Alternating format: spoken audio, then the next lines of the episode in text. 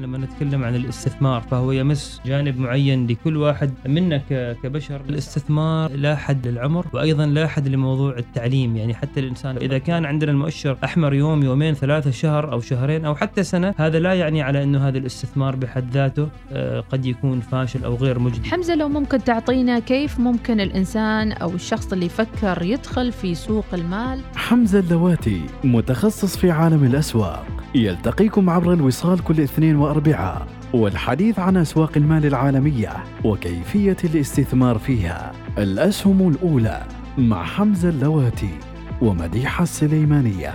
الأسهم الأولى يأتيكم برعاية الهيئة العامة لسوق المال الاستثمار الواعي أمان ونماء لمدخراتك. وبرعاية بورصة مسقط بورصة الفرص.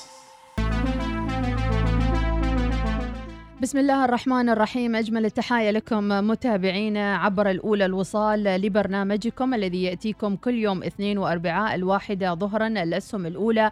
البودكاست الأول في الوصال حول الاستثمار والبورصات. هذا البرنامج الذي يركز بشكل كبير على عالم المال والاستثمار والتداول وحتى على العملات الرقمية أو العملات المشفرة وكل ما يخص عالم المال. وكما عودناكم في حلقاتنا أن أرافقكم في التقديم وإدارة الحوار في هذا الأستوديو مديحة السليمانية وأيضا افترض أن يرافقنا أيضا في المحاورة الأستاذ حمزة اللواتي الذي يغيب عنا في هذه الحلقة ونلتمس له العذر لوجوده خارج السلطنة وإن شاء الله يكون معنا ربطة في الحلقات القادمة من هناك من بريطانيا من الأسواق المالية البريطانية والتعرف على التداولات في الأسواق الأوروبية بإذن الله تعالى. أيضا في إدارة المرئيات يرافقنا في حلقات الأسهم الأولى مازن العلي بإذن الله في إدارة اليوتيوب وأيضا مواقع التواصل الاجتماعي. وحلقة اليوم الأربعاء ستكون عن سوق رأس المال ورؤية عمان 2040 من إعداد نواف العبري والإشراف العام الأستاذ ماجد العبري وسيكون معنا ضيفنا الأستاذ أحمد المخيني هنا بالأستوديو بإذن الله تعالى الحديث عن محاور متعددة. ودعونا نرحب بضيفنا. أهلا وسهلا فيك أستاذ أحمد المخيني. أهلا وسهلا بكم. شكرا جزيلا على الاستضافة. سعيدين جدا بوجودك معنا اليوم في الأستوديو. حقيقة اسم وقامة كبيرة. ونتشرف بوجودك معنا وأنت خبير بمكتب الرئيس التنفيذي للهيئة العامة لسوق المال الأستاذ أحمد. من إحسانك بارك الله الله يعطيك العافية. إذا آه، يعني التعريف بسوق رأس المال ودوره في الاقتصاد الوطني ما هي الأهداف المتقاطعة في رؤية عمان 2040 مع استراتيجية الهيئة العامة لسوق المال؟ آه، سوق رأس المال بكل بساطة سوق تشتري منه فلوس. يعني أنت عندك فكرة مشروع معين آه سواء أنت كنت حكومة أو قطاع خاص أو فرد. عندك فكرة بس ما عندك فلوس كيف تموليها؟ تروح لسوق رأس المال سوق رأس المال في أشخاص هؤلاء الأشخاص عندهم وفرة مالية أو عندهم مبلغ معين حابين يستثمروه بطريقة مختلفة عن الطريقة التقليدية اللي هي عقارات أو شركات تجارية أو شيء من هالقبيل. فإحنا يعني في سوق رأس المال عندهم خيارات أدوات ممكن يأخذوها وأصحاب المشاريع يجوا يطلبوا تمويل وأصحاب الأموال يعني آه يعطونها الأموال. فإحنا عادة في سوق رأس المال نوفق بين رأسين في الحلال صاحب المال وصاحب آه الفكرة. آه والفكرة إن سوق رأس المال يعطيش تمويل طويل الأجل يعني فوق سنة أو فوق ثلاث سنوات بحيث إنه يكون مريح لصاحب الفكرة في سداد التمويل هذا. وطبعا مش دائما يكون التمويل واجب السداد لأن قد ما يكون قرض اللي هو يسموه أدوات الدين مثل السندات أو الصكوك قد يكون استثمار وبالتالي في الاستثمار يكون معنا إحنا عائد هذا العائد يعطيهم توزيعات ربحية على نهاية آه، كل عام. فعن آه، طريق سوق راس المال إحنا ممكن نمول كل هذه الأشياء. يعني ما إحنا كهيئة إحنا هيئة فقط جهة تنظيمية ورقابية. في جهات تعمل ضمن هذا سوق راس المال. وحدات استثمارية في البنوك شركات استثمار موجودة في عمان وخلافه أما ما يتعلق بالأهداف المتقاطعة ما بين رؤية عمان 2040 والخطة الاستراتيجية التنفيذية للهيئة فكما تعلمين استاذتي الكريمة آه، إنه آه، رؤية عمان 2040 فيها 12 أولوية و75 هدف استراتيجي. نعم. من بين هذه 12 أولوية في خمس أولويات تتقاطع بشكل مباشر جدا مع الهيئة و18 هدف يتقاطعوا بشكل مباشر مع الهيئة وإحنا لما وضعنا الخطة الاستراتيجية آه، أخذنا المسودة لهذه الرؤية ووضعناها أمامنا وصغنا بناء عليها أهدافنا الاستراتيجية والتي كانت كذلك منبثقة من الإطار الاستراتيجي لل- للخطة التي كانت موجودة قبل فترة، فعلى سبيل المثال إحنا من ضمن الأولويات اللي استرعت انتباهنا أولوية التنويع الاقتصادي والاستدامة المالية خاصة الهدف المتعلق بإيجاد بيئة تنظيمية وتشريعية ذات حاكمية تتصف بالتجديد والمرونة ومواكبة المستجدات ضامن تكافؤ الفرص، فهذه كل كلمة من هالكلمات في لها معنى خاص إحنا نترجمه في أولويات في مبادئ ضمن التشريعات والنظم والإجراءات اللي إحنا نقوم بها. آه، داخل الهيئة. نعم. آه، مثال آخر أولوية الرفاه والحماية الاجتماعية، يمكن الناس يقول والله إيش دخل الرفاه والحماية الاجتماعية مع سوق راس المال؟ لا من أهم الأهداف في الرفاه والحماية الاجتماعية الهدف مجتمع واع ومتماسك ممكن اجتماعيا واقتصاديا مم. فإحنا في سوق راس المال لما نضع تنظيماتنا لما نضع المنتجات بنتناقش مع المصدرين ومع الأطراف الأخرى دائما نحط المواطن نحط الفرد في آه، في ذهننا على أساس إنه هو يكون يعي ما له وما عليه يعي كذلك الفرص المتاحة ويكون في تكافؤ لهذه الفرص وحتى المست- الشخص يكون عنده تمكين اقتصادي قادر على تحقيق نوع من الكفاية الاقتصادية آه، بالنسبة له. وطبعا هناك أمثلة كثيرة أخرى ممكن لاحقا للنقاش. جميل جدا. وطبعا يمكن اعتبار بأنه هيئات سوق المال حول العالم هي مثل نقول ركيزة أساسية لتقنين عملية التداول المالي ومثل ما قلت إيجاد فرص جديدة للاستثمار وخلق ممكنات مالية أيضا وسيولة مالية لأي اقتصاد في العالم. نعم. يعني إحنا ال ال ال الهدف الأساسي من الهيئات التنظيميه لل- للأسواق المالية أو لسوق رأس المال، إحنا في عمان ننظم سوق رأس المال وننظم التأمين، والتأمين كذلك شركات التأمين العمانية مدرجة ففيها قواسم مشتركة. إحنا نضمن إنه المستثمر محمي، الفكرة محمية إن يعني وإنه هناك ما يمولها بطريقة منظمة وآمنة إلى حد ما. طبعا هناك مجموعة من المخاطر مم. لكن المستثمر عليه أن يعي هذه المخاطر. فإحنا دورنا أنه نضمن أنه يعي هذه المخاطر. فلما يتخذ قرارة يكون واعي بهذه المخاطر وتبعاتها آه عليه. وإحنا دورنا تنظيمي في المقام الأول. لكن نحن طبعا كذلك مجموعة من دول العالم مثلا في أفريقيا في بعض دول الشرق الأوسط دور الهيئات لا يقتصر على التنظيم. كذلك نحن نقوم بالتطوير.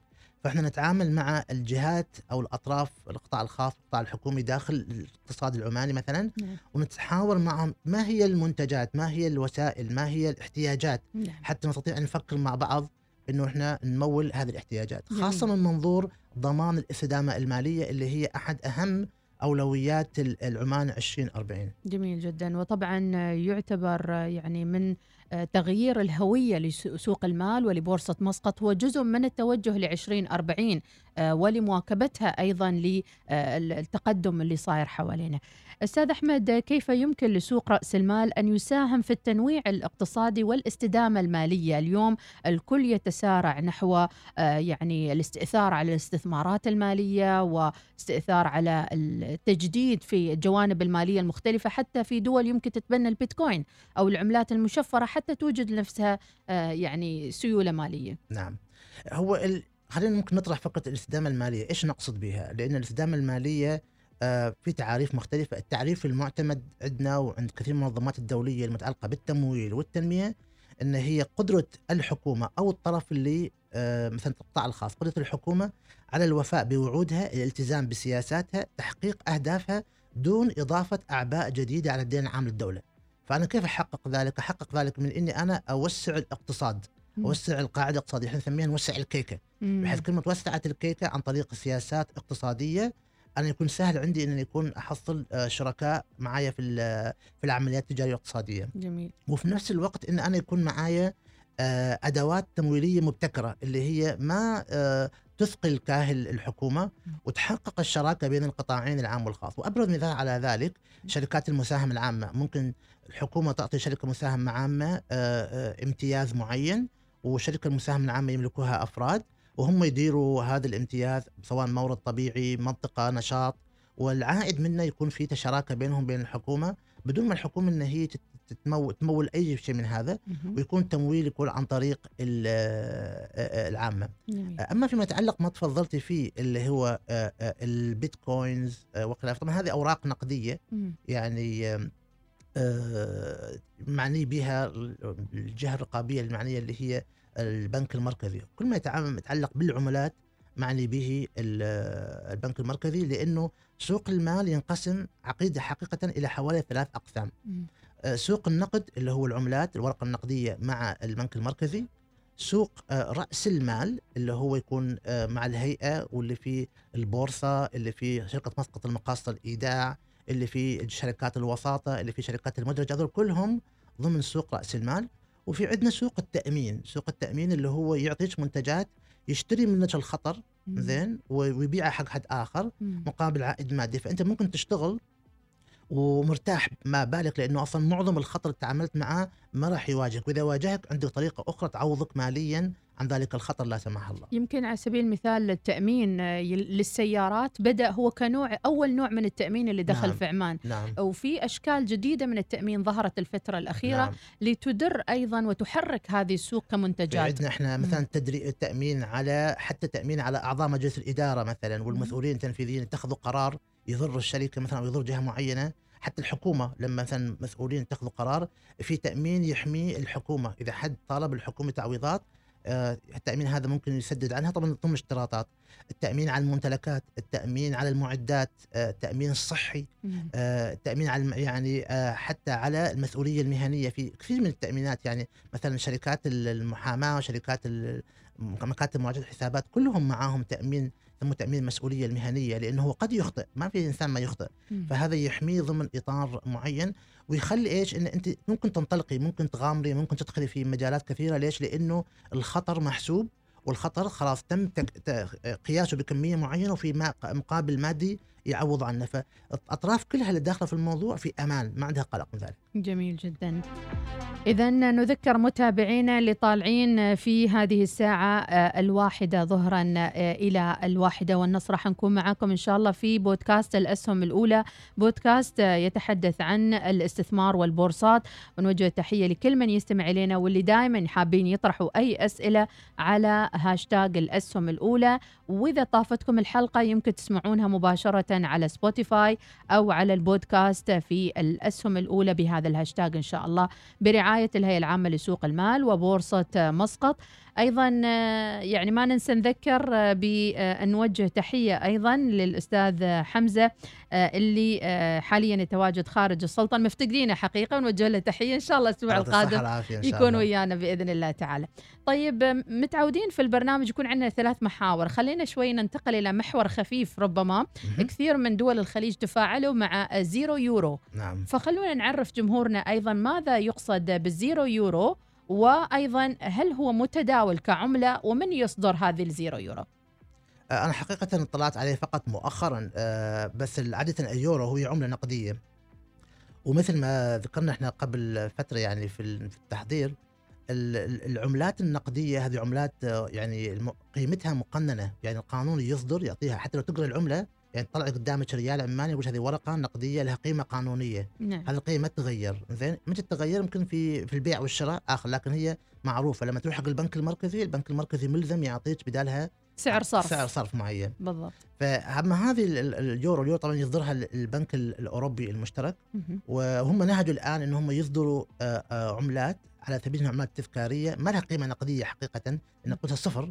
لكنها هي آه، تسجل يعني إسهامات أفراد يعني أثروا على السلام على الأمن على الانطلاقة الاقتصادية آه، على خاصة الدول اللي هي آه، تعامل معها الاتحاد الأوروبي. فتره طويلة جدا. جميل جدا. إذا نعطي معلومة سريعة لمتابعينا أيضا آه، مثل ما ذكر أستاذ أحمد المخيني أن هي آه، عملة غير مطروحة للتداول لأن في كثير من الناس عاطفيا يشوفوا آه، صورة آه، القائد طيب الله ثرى سلطان قابوس. الله يرحمه ويغمد روح الجنة يا رب العالمين وصورة الشيخ زايد أو يعني صور خليجية. ما الهدف في مثل هذا الإصدار في هذا الوقت؟ هل يعني سيتاح لمن يريد أن يشتري هذه الزيرو يورو أن يحصلها وين بنحصلها؟ أنا ما عندي حقيقة المعلومات بس عادة هذه العملات اللي هي تكون تذكارية أو لها هدف تكون قيمتها آه، تشتريها بقيمة أعلى من قيمتها النقدية لأن هي آه، لها قيمة عاطفية آه، يعني لربما بعد عشر سنوات 15 سنة تنباع في مزاد يكون لها قيمة أخرى مختلفة. نعم. يعني على سبيل المثال من من أحد ال- ال- العملات النقدية التي مثلا آه، صكت في الأم- في أمريكا في عام 1807 مم. كان الدولار سابقا عملة معدنية. بعدين انقطع صار عملة ورقية فهم في عام 1807 أصدروا الدولار بعملة معدنية يعني آه، فقط لاستدلال أو آه، يعني آه، الاحتفاء بدول ساهمت في نشوء أمريكا وكان من ضمن الدول اللي ساهمت في نشوء أمريكا واعتمادها عالميا سلطنة عمان يعني عمان كانت ثاني دولة في العالم تعترف بها. وكانت عمان ومملكة المغرب ومملكة سيام بيسموها سيام آنذاك هي تايلاند. كانوا أول ممالك في العالم القديم تعترف بالولايات المتحدة الأمريكية فلما سووا هذه العملات أعطوا هدية لكل من الملوك في هذه الدول آه طبعا هذه العملات أنا ذاك كان قيمتها نقدية فقط يعني قيمتها قيمة الدولار نفسه. مم. لكن الآن تصل إلى طبعا مئات أو آلاف آه، الدولارات طبعا مع مرور الزمن وندرتها يعني. في- رمزيتها في طبعاً، نفس الوقت طبعاً. نعم. إذا هذا كان بالنسبة لمحور العام لمعلومات وتداولات يمكن تصير آه، خلال هذه الفترة. ونحن مقبلين على السنة الجديدة 2022 أكيد في كثير من الخطط وضعت الهيئة العامة لسوق المال فيما يتعلق برؤية عمان 2040 نتكلم أستاذ أحمد المخيني اليوم أكثر عن مساهمة سوق رأس المال في خلق بيئة تنافسية للاستثمار. اليوم المستثمر آه، ليس موجود فقط في سلطنة عمان. اليوم المستثمر قبل لا ينزل أي مطار في الخليج أو في الدولة العربية يعني يمكن الأيادي يعني تأخذ تغريداته وتأخذ آه، يعني تصريحاته ويحاولوا أنه يستأثروا بأموال هذا المستثمر في دولة خليجية دون أخرى. كيف ممكن أن ننافس في هذا السوق الضخم؟ وشوفي الله يسلمك إحنا عندنا طبعا الأربع منتجات تقريبا أساسية منتجات استثمارية اللي هي متاحة للمستثمرين العمانيين وغير العمانيين من أي مكان في العالم. وطبعا بالنسبة مقارنة بدول الخليج عمان نسبة الاستثمار الأجنبي فيها أعلى آه، نسبة مقارنة بدول الخليج الأخرى. لربما بسبب إنه آه، حجم آه، سوق رأس المال لا يزال قليلا لكن إحنا القانون ما يمنع. يعني إحنا عندنا المتاح للجميع. فإحنا عندنا الأسهم اللي هي الأسهم الشركات المدرجة متاحه للجميع. فإحنا نشجع إنه أي مشروع جديد يكون يدرج على أساس إنه هو شركة مساهمة عامة آه، متاحة للقاصي والداني. كذلك السندات. يعني على الرغم من التصنيف الائتماني اللي كان قبل فترة آه، سلبي والآن بدأ يتطور ايجابيا الحمد لله آه، كان كل ما آه، سلطنة عمان تطرح سندات أو صكوك آه، للاكتتاب كان الإقبال الخارجي منقطع النظير بغض النظر عن خاصة الإقبال ع- كان كان كان على السندات والصكوك اللي هي طويلة الأجل. لمدة عشر أعوام ثلاثين عاما وخلافه. هذا كان طبعا يعبر عن ثقة في الاقتصاد العماني وأنه كذلك ال- الالتزام من الحكومة العمانية بالسداد لهذا الشيء. على نعم. الرغم من كل ما كان فيما يتعلق بالتصنيف الائتماني السلبي. وطبعا السندات والصكوك هم مثل بعضهم بعض الفرق إن الصكوك متوافقة مع الشريعة الإسلامية آه، سواء من حيث المشاريع اللي تمولها أو حسب الآلية القانونية لها. كذلك إحنا عندنا حاليا اللي هي متاحة لجميع المستثمرين من الداخل والخارج واللي نشجع إنه أي مشروع جديد ياخذها اللي هي صناديق الاستثمار.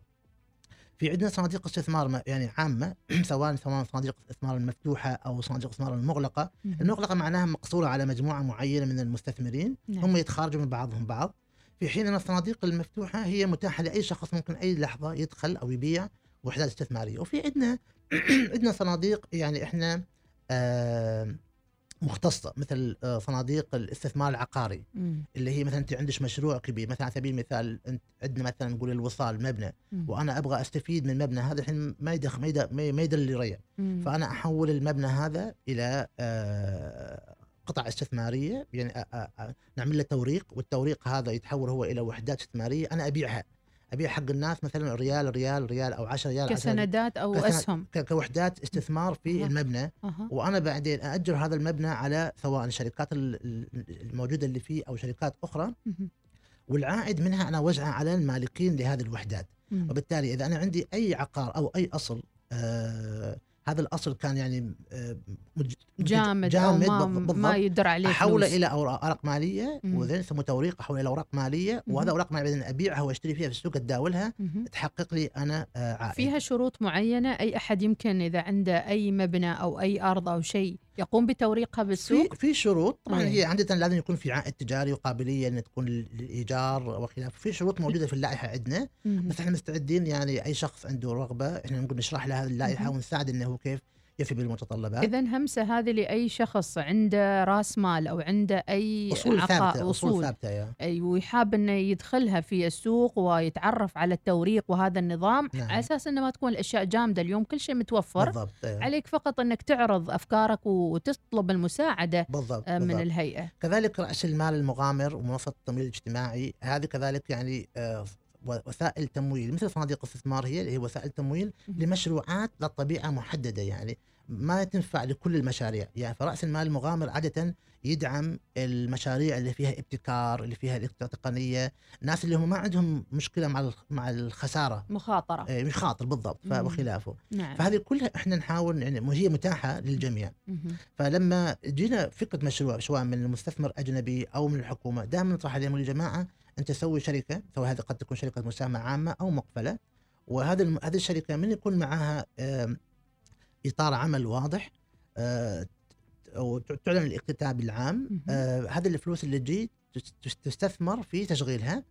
وإذا عندها مشروع محدد هذا المشروع له طبيعة إنتاج مختلفة نشجعهم إنه هم ياخذوا تمويل إضافي عن طريق السندات والصكوك ويمولوا هذا المشروع وكذلك ممكن الشركة هذه تكون هي شركة قابضة أم. وكل مشروع يتحول إلى شركه بروحها يعني مم. شركه فرعية نعم. شركه تابعة فرعية لها بحيث إني أنا أحصر المخاطر وأحصر الخسائر إذا مشروع صار فيه مشكلة ولا شيء.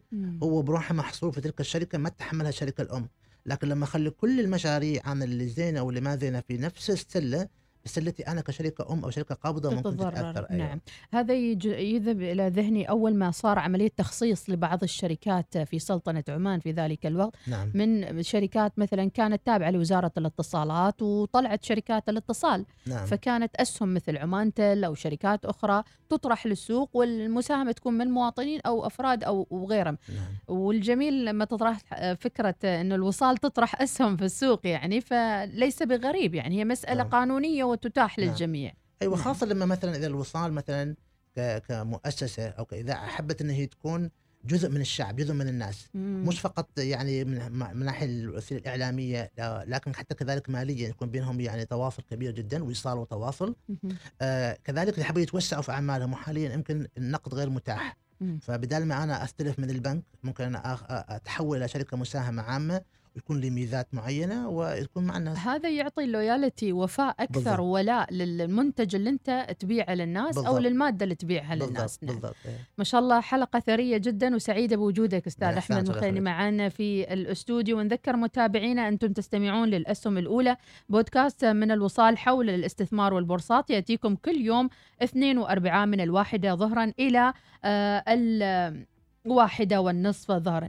معكم في إدارة الحوار مديحة سليمانية وإدارة المرئيات مازن العلي نوجه له تحية اللي موجود معنا هنا. آه، دائما آه، يعني كل نسخر كل إمكانياتنا حتى نظهر آه، بهذه الصورة معكم على اليوتيوب وعلى جميع مواقع التواصل. أستاذ أحمد لما نتكلم عن الهيئة العامة لسوق المال أكيد في ناس من الطبقة الاجتماعية العادية مهم. اللي ممكن تسأل وتقول إحنا شو نستفيد كمواطنين. أو كأفراد؟ يمكن عندنا مشاكل مشاكل مالية. شو اللي يجينا من وراء آه، سوق المال هذا أو جانب الاجتماعي اللي معكم؟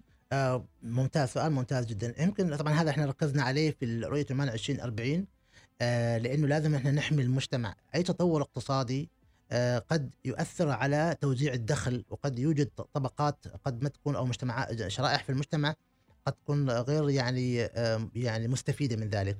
فإحنا عندنا وسيلتين أساسيتين في سوق رأس المال أو في بشكل عام في الهيئة العامة. الوسيلة الأولى اللي هي الشمولية المالية إحنا نسميها الشمولية المالية اللي هي كيف نمكن العام من الاستثمار وتحقيق عائد إضافي مما يشجعهم على أنهم يدخروا. وهذا يكون إن لما نحط اللوائح التنظيمية نحرص قدر الإمكان على أن يكون في شركات مساهمة عامة انه كذلك انه يكون في جزء كبير جدا من هذه الأسهم متاحة للعامة مش متاحة للخاصة إن هم يعني أو مؤسسات بحد ذاتها. فكذلك حطينا ضمانات ومسؤوليات على شركات الوساطة إن هي لما تروح تتكلم مع آه، هؤلاء المستثمرين الأفراد أو الأشخاص اللي حابين يستثمروا انه يوضحوا لهم الفوائد والمخاطر. كل واحد حسب احتياجاته عنده نعم. اللي عنده ألف إيش ممكن يستثمر فيها؟ واللي عنده مئة ألف كيف يسوي. فيها. وإيش المخاطر اللي عنده؟ وإيش الاستثمار الأنسب له؟ لأني أنا عندي ألف ألف هذه كل دنيتي ما عندي غيرها. زين. أما ال ألف يمكن عنده أشياء ثانية. في 100000 هذه يعني فهذه النقطة. كذلك إحنا مع شركة مقا... شركة مسقط المقاصة والإيداع دائما نحرص على إنه البيانات تكون متاحة للجميع. تسهيل فتح حسابات الاستثمار فهذا كله من باب الشمولية المالية. نعم. لكن اللي يمس الناس بشكل أكثر واضح يعني اللي هي المسؤولية الاجتماعية للشركات اللي هي ضمن الحوكمة يعني مبادئ الحوكمة اللي إحنا نضعها آه، لجميع شركات المساهمة العامة.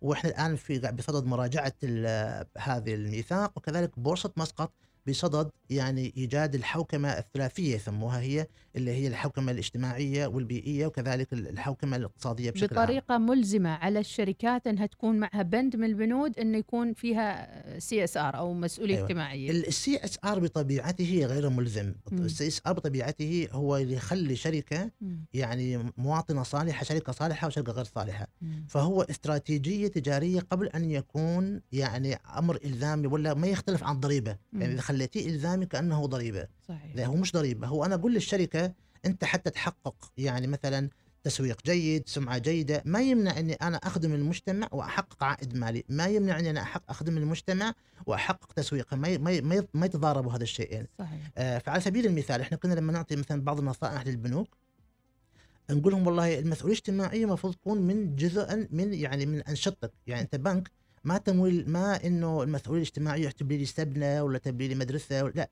هذه جهات أخرى قائمة فيها مم. أنت عندك أهم انشطتك إنك تقرض مم. فلما تشوف معك مقرضين معسرين آه فيهم تعثر خلي ال CSR مالك إنك أنت كيف تساعدهم إنهم هم تنقذهم من هذا الإعسار.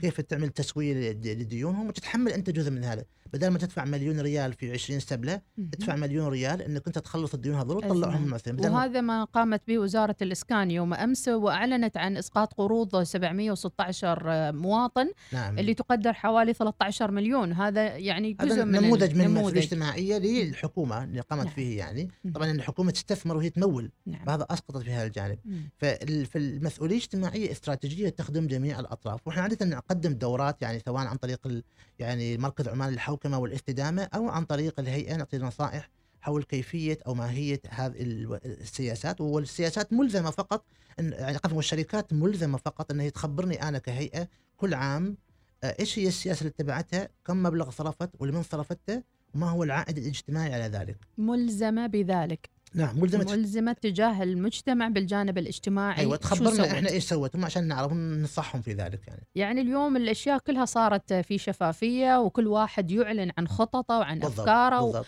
اليوم ما في عالم من المواربة أو تقول أنا لا. سويت وأجري على الله وما أدري شو لا، هالكلام هو الأجر على الله شيء ثاني يعني صحيح موجود لكن آه. لازم يكون في نعم. كشوفات نعم. تثبت هذا الأمر نعم. وما أنفقته في وكذلك ذلك الله يسلمك ننقل إحنا العبء مم. المتابعة على المواطن على الشخص على المجتمع يعني الهيئة في طرف واحد. مم. ليش الشركات المساهمة العامة لها ميزة؟ لأنه كل بياناتها ومعلوماتها وتقاريرها متاحة للعلن. نعم. وبالتالي أي شخص أي مواطن أي صحفي أي إعلامي أي مستثمر. بإمكانه أن يطلع عليها بشكل واضح ومباشر نعم. وهذا يقودنا إلى نقطتنا الأخيرة في حوارنا الشيق والرائع جدا اليوم الحديث عن الشفافية والإفصاح. أحد أهم أدوات الحماية اللي تشجع على الاستثمار. كيف تم تقنين هذه الشفافية في سوق رأس المال العماني وهل تشهد تطور في الجانب التقني نعم نعم نعم طبعا هي إحنا متطلبات الإفصاح متطلبات قانونية مرتبطة بمتطلبات الادراج، الشركة اللي ما تلتزم بالإفصاح تعرض نفسها لأن هي تمنع من التداول داخل البورصة.